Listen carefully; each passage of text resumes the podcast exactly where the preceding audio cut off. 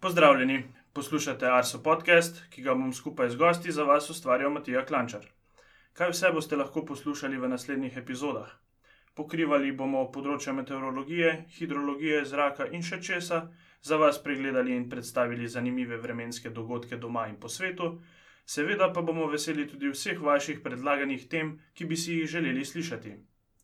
Uvodna epizoda bo namenjena kratkemu povzetku nedavno zaključenega projekta Ocena podnebnih sprememb v Sloveniji do konca 21. stoletja in časovno se upada tudi z mednarodno podnebno konferenco, ki se te dni odvija v polskih Katovicah. V preteklih desetletjih je podnebje s sušami, poplavami, zmrzalmi, vročinskimi valovi že pokazalo, kako lahko vpliva na naše življenje. Glede na to, da podnebnih sprememb ni mogoče ustaviti čez noč, tudi z zelo drastičnimi omejitvami izpustov toplogrednih plinov, ne, se bomo morali na nje prilagoditi. Pri tem je seveda potrebno vedeti, na katere razmere se bomo morali prilagajati. To je bila glavna motivacija, da je Agencija Republike Slovenije za okolje leta 2016 v sodelovanju z Ministrstvom za okolje in prostor začel obsežen projekt priprave podnebnih projekcij za Slovenijo. V povzetku se bomo dotaknili podnebnih projekcij za temperaturo, padavine in hidrološke spremenljivke do konca 21. stoletja. Moja prva gostja danes je magistra Mojca Dolinar, vodja sektorja za analize podnebja in vodnega kroga. Zdravo, Mojca. Omenil sem projekt OPS 21, ki si ga v povezavi z Ministrstvom za okolje in prostor vodila na Arso. Kako dolgo je trajal ta projekt in na katerih področjih smo se v okviru projekta dotaknili? Ta konkretni projekt smo začeli leta 2016, eh, vendar to niso bili sami začetki. Ne. Že predtem smo se delno že ukvarjali z eh, pripravo scenarijev. Sam ta projekt pa je trajal, se pravi, do danes, eh, teče že tretje leto. Um, v prvih dveh letih smo uh, naredili pregled oziroma pripravili projekcije za glavne klimatološke spremenljivke, to sta temperatura in padavine, uh, in pa pogledali vpliv na hidrološke spremenljivke. Važno je pa, da vemo, da nismo obdelali samo nekih splošnih značilnosti, recimo temperature pa uh, padavin, ampak smo pogledali tudi, kaj se bo zgodilo z izjemnimi vremenskimi dogodki na tem področju. Približno koliko je pa sodelavcev bilo iz Arsa, oziroma koliko je ljudi sodelovalo v tem projektu, pa če se mogoče že navežem še z naslednjim vprašanjem. Če se primerjamo s tujimi državnimi ustanovami, ki delujejo na področju podnebnih sprememb, ali lahko kadrovsko sploh pariramo, ali smo mogoče podhranjeni? Uh, ja, na tem projektu je sodelovala kar precej velika ekipa uh, za naše razmere, kot smo navajeni. Ne. Praktično uh, so sodelovali sodelavci iz vseh oddelkov, ki delujejo znotraj sektorja za analize podnebja in vodnega kroga. Se pravi, klimatologi, agrometeorologi, hidrologi in pa tudi um, hidrogeologi, se pravi za podzemne vode. Um, niso pa seveda cele ekipe, ki delujejo znotraj teh uh, sektorjev. Um, smo imeli pa za pomoč tudi uh, zunanje sodelavce za posamezne pakete, kjer nismo zmogli sami, ker ta ekipa je vseeno premehna za tako obsežen projekt. Uh, je bilo pa sodelavcev zunanjih tam okrog 5 do 6, odvisno od leta, uh, uh, zakaj smo jih potrebovali. Uh, to, ko, si vprašal, uh, če smo primerljivi z zunanjimi službami, podobnimi, zelo težko se primerjamo. Z, predvsem Ne, če, če se primerjamo, se radi primerjamo z zahodnimi službami. Uh, zdaj, večina jih je mnogo večjih, ne primerno tudi velikosti države. Ne, nikakor se ne moremo primerjati z nemško službo, angliško službo, francosko službo. Ne, to so bistveno, bistveno večje. Ampak že za uh, primerjavo nizozemska služba, ne, ker nizozemska po površini nekako, seveda je večja od Slovenije, ampak ni pa tako toliko večja. Ne. Tam se z eh, klimatologijo na splošno, ne, pa tudi s podnebnimi spremembami ukvarja ekipa več kot 40 ljudi. Ne. Pri nas je klimatologov takih, eh, ki so redno zaposleni, pet. Ne. To je velika razlika. Tako da se um, moramo ukvarjati uh, s takimi stvarmi, kot so uh, podnebne projekcije, fokusirano ne, v okviru projekta. Nekako nimamo dovolj ljudi, da bi to lahko delali uh, nekako na operativni ravni ali pa kot redno nalogo, ampak si moramo pač pri takih nalogah potem pomagati tudi z nami sodelavci. Poglejva še mogoče malce v prihodnost, tako kot smo delali tudi na teh podnebnih projekcijah. A se bo s tem projektom zdaj proučevanje podnebnih sprememb na Arsu končalo? Ali bo, bo se mogoče že vidijo neki podobni projekti tudi v prihodnje? Nikakor se ne bo čisto končalo, ne? ker uh, jasno je, da bomo morali podnebne spremembe še vedno spremljati. Spremljati bomo morali, kaj se v resnici dogaja še naprej na podlagi meritev, ne, ne samo uh, izdelovati projekcij, ampak tudi glede na to, kaj se dogaja na področju uh, podnebnih projekcij v širšem prostoru, ne, lahko rečemo kar znanstvenem prostoru. To je eno področje, ki se zelo, zelo hitro razvija. Ne, in uh, že v tem času, ko smo mi pripravljali projekcije, se pripravljajo nove generacije podnebnih modelov, in pričakujemo, da bo v roku nekaj let, recimo um, tam okrog pet let, da bodo na voljo tudi rezultati za te nove uh, simulacije podnebja, in vsekakor bo treba potem pregledati, kako dobro držijo te naše projekcije, ki smo jih do zdaj naredili. Pa če je, če mogoče, že imamo kaj več znanja, da lahko, sploh na tistih področjih, ki so se zdaj izkazala, da ne moramo veliko povedati, da bomo lahko v prihodnosti še kaj novega povedali. Hvala, Mojca, za ta kratek povzetek in za tvoj čas. Hvala tudi tebi.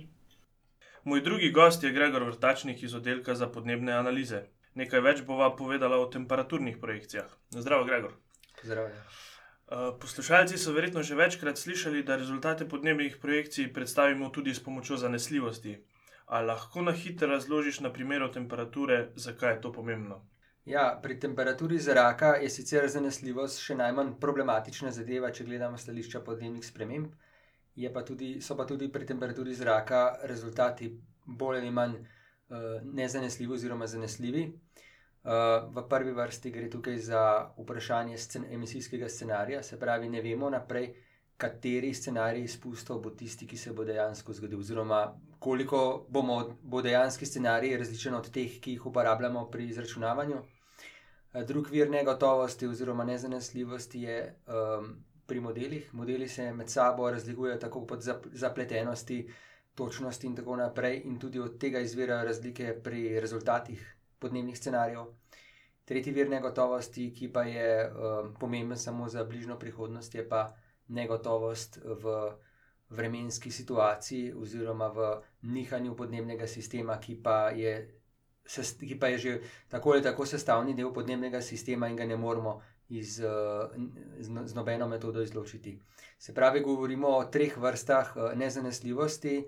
Uh, pri temperaturi zraka uh, večinoma prevladujeta prva in druga vrsta, se pravi, negotovost zaradi modelov in pa zaradi izpustov toplogrednih plinov.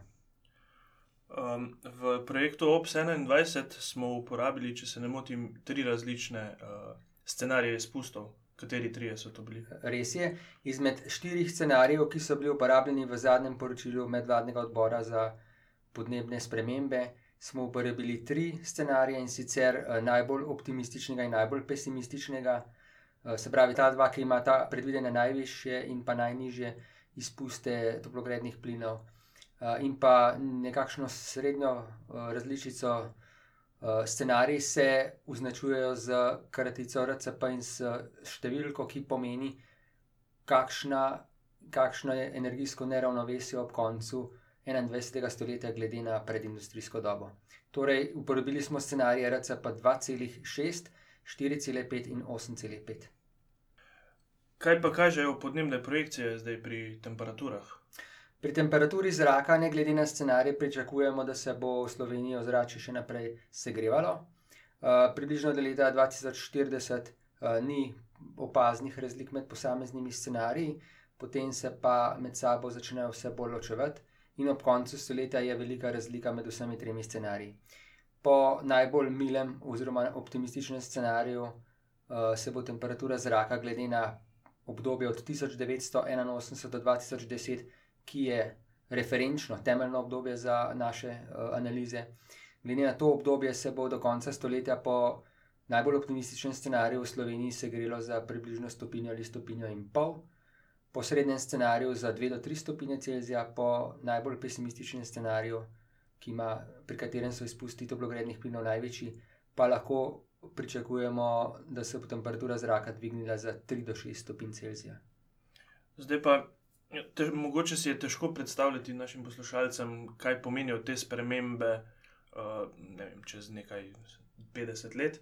Uh, a jih lahko umestiš v današnji čas, recimo, kakšno bi bilo pa na nek način poletje 2019, če bi vzeli neke projekcije iz prihodnosti. Aha. Uh, ja, lahko to razložimo na podlagi različnih primerjav. Ena je, da primerjamo, kakšne so zdaj razlike med različnimi kraji v Sloveniji. Primorska je približno 2 do 3 stopinje, stopinje toplejša od uh, nižin po notranjosti. Uh, Alpske doline so približno toliko hladnejše, recimo od krajev kot so celje, novo mesto, uh, Maribor. Uh, to pomeni, da že nekaj stopinj razlike je zelo veliko, pridemo z enega podnebnega pasu v, v drugega.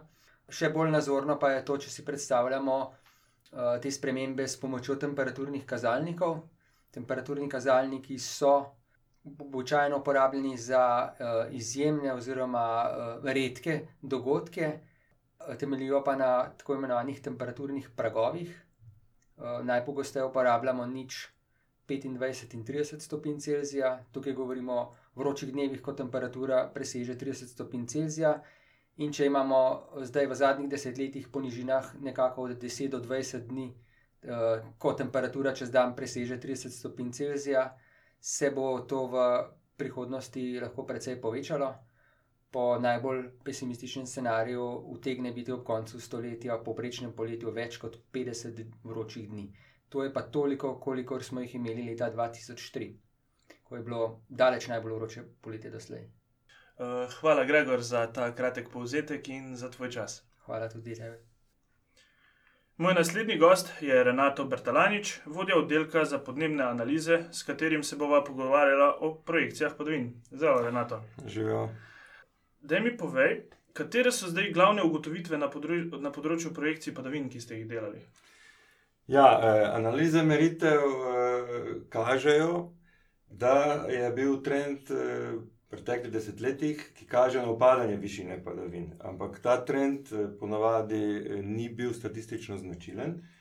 Na meji je bil za poletje in pomlad. E, je bil pa značilen za zahodno Slovenijo, ker se je v zadnjih desetletjih, oziroma od 60-ih let, višina padavin zmanjšala za približno 15 odstotkov. Zdaj, za prihodnost je pa višina padavin močno odvisna od scenarijev.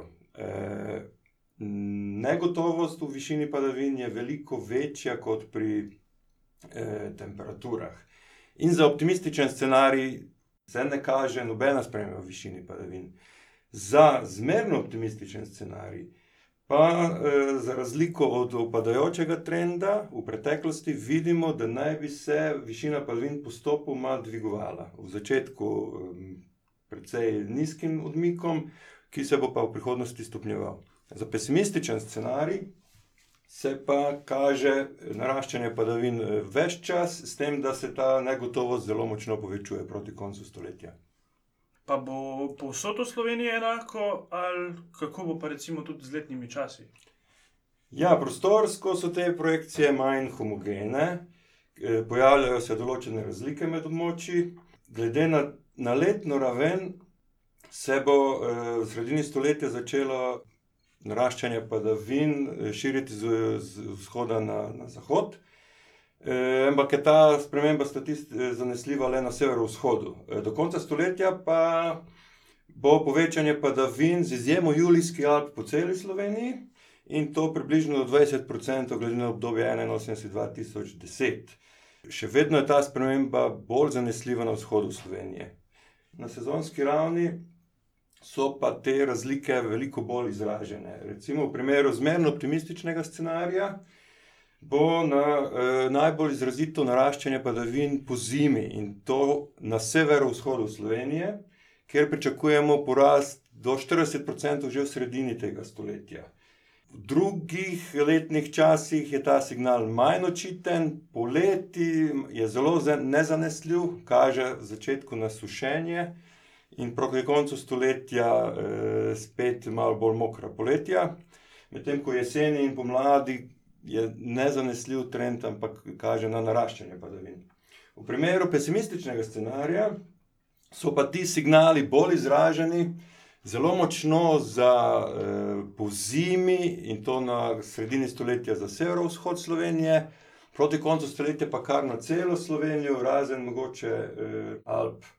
Za poletje je ta signal zelo neznačilen, ampak malenkost obraten kot za optimist, zmerno optimističen scenarij. Se pravi, v začetku malo bolj eh, mokra poletja in proti koncu stoletja eh, spet sušna, ampak zelo, zelo nezanesljivo je to. Kaj ste pa ugotovili glede jakosti padavin in glede pogostosti padavin v prihodnosti? Ja, spremembe jakosti in pogostosti smo ocenjevali z različnimi padavinskimi kazalniki. Naprimer, eden od njih je število padavinskih dni. Pri zmerno optimističnem scenariju ni nekih večjih sprememb v številu padavinskih dni, razen da se bo zmanjšalo v poletjih. Je pa ta razlika veliko večja pri pesimističnem scenariju. Tam se bo na letni ravni število dni statistično zelo zmanjšalo že sredi stoletja, do konca stoletja se bo pa to še stopnjevalo. In eh, te spremembe so zanesljive za območje celotne države. Eh, se pravi, zaradi zmanjš, manjšega števila padavinskih dni in malenkost večje količine, eh, in večje količine višine padavin, pričakujemo torej malo močnejše jakosti padavin v dežju. Recimo pri srednje intenzivnih padavinah, ki so kar eh, precej pogoste na Alpsko-Dinarski pregradi, manj pogoste so pa na vzhodu, pa opažamo, da se bo njih število takšnih dni povečalo v severovzhodni Sloveniji, na vzhodu Slovenije. Se pravi, intenzivnih padavin na vzhodu bo več. Intenzivnih padavin, ki so v Sloveniji danes kar redke, eh, po zmernem optimističnem scenariju se bo njihovo eh, število na letni ravni povečalo že sredi stoletja in se potem je stopnjevalo. To je zelo zanesljivo za vzhod Slovenije. Še večje spremembe v številu dni z intenzivnimi padavinami, pa so po pesimističnem scenariju. Tam je statistično zanesljivo njihovo povečanje eh, v zadnjih dveh obdobjih tega stoletja. Se pravi, eh, vsi kazalniki kažejo, kažejo na to, da se bo sta jakost in pogostost izjemnih padavin povečala. Pred kratkim se je začela meteorološka zima. Verjamem, da poslušalce zanima, če ste pri projekcijah padavin kaj ugotovili tudi glede snežnih padavin v prihodnosti. Direktno eh, analize eh, snežnih padavin eh, nismo raziskovali, ampak eh, to zimsko naraščanje eh, padavin, ki smo ga zaznali, pa ne pomeni večje možnosti za sneg, ker bo hkrati z naraščajočo eh, temperaturo bodo pač snežne padavine manj pogoste in tako bo verjetno za snežno odejo tudi manjša. Hvala, Renato, za ta povzetek in za tvoj čas. Ni zakaj. Padavine imajo direkten vpliv na stanje naših vodotokov in hidroloških spremenljivk povezanih z njimi. Zato je moja zadnja gostja danes dr. Mira Kobold, vodja oddelka za hidrološke analize površinskih voda. Zdravo. Zdravljeni. Prvo vprašanje. Kaj ste ugotovili pa pri projekcijah pretokov naših rek? Kot ste že povedali, podnebne spremembe imajo vpliv na celoten vodni krok in s tem tudi na pretoke rek. Za projekcije sprememb hidroloških razmer smo izbrali kazalnike srednjih, malih in velikih pretokov, ki se najpogosteje uporabljajo v hidroloških analizah.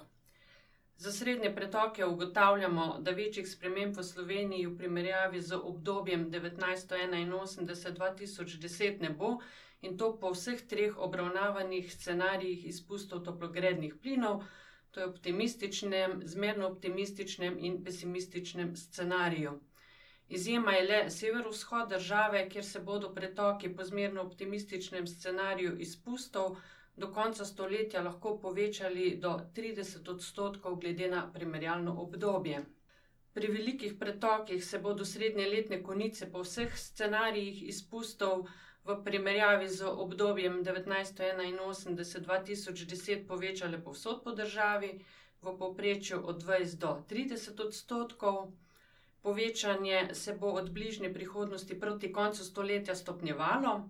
Največje povečanje visokih voda bo na severovzhodu države, tam se bodo po zmerno optimističnem scenariju izpustov toplogrednih plinov srednje letne konice proti koncu stoletja povečale do približno 30 odstotkov, v primeru pesimističnega scenarija pa še nekoliko več. Spremembe srednjih malih pretokov pa so prostorsko neenotne. Za južno polovico države se kaže zmanjšanje malih pretokov, za severno polovico povečanje, vendar je signal zmanjšanja malih pretokov v južni Sloveniji nezanesljiv. Je pa negotovost modelskega ansambla velika, zlasti pri manjših rekah, kjer so razmerja med malimi in velikimi pretoki velika. Pri velikih pretokih je negotovost večja kot pri srednjih in malih pretokih, pri vseh pa se negotovost proti koncu stoletja povečuje. Renato je omenil povečanje intenzitete padavinskih dogodkov. Kaj to pa pomeni za naše hudournike in posledično za poplavna območja?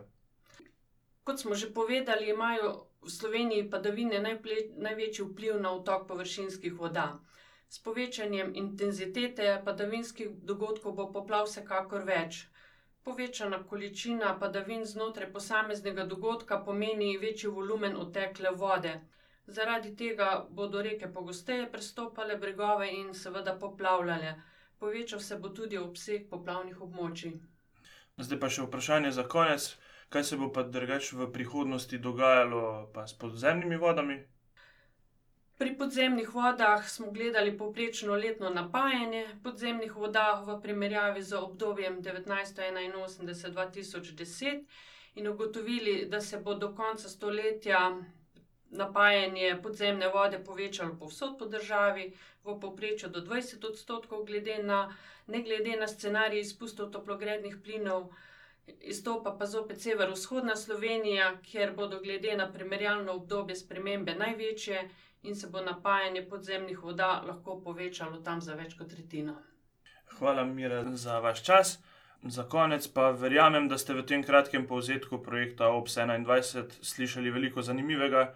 Vse dodatne informacije lahko najdete na naši spletni strani, povezave smo pripeli tudi k tej epizodi, tudi v prihodnje pa bomo spremljali potek dela na področju podnebnih sprememb in ko bo kaj zanimivega, bomo to delili tudi z vami.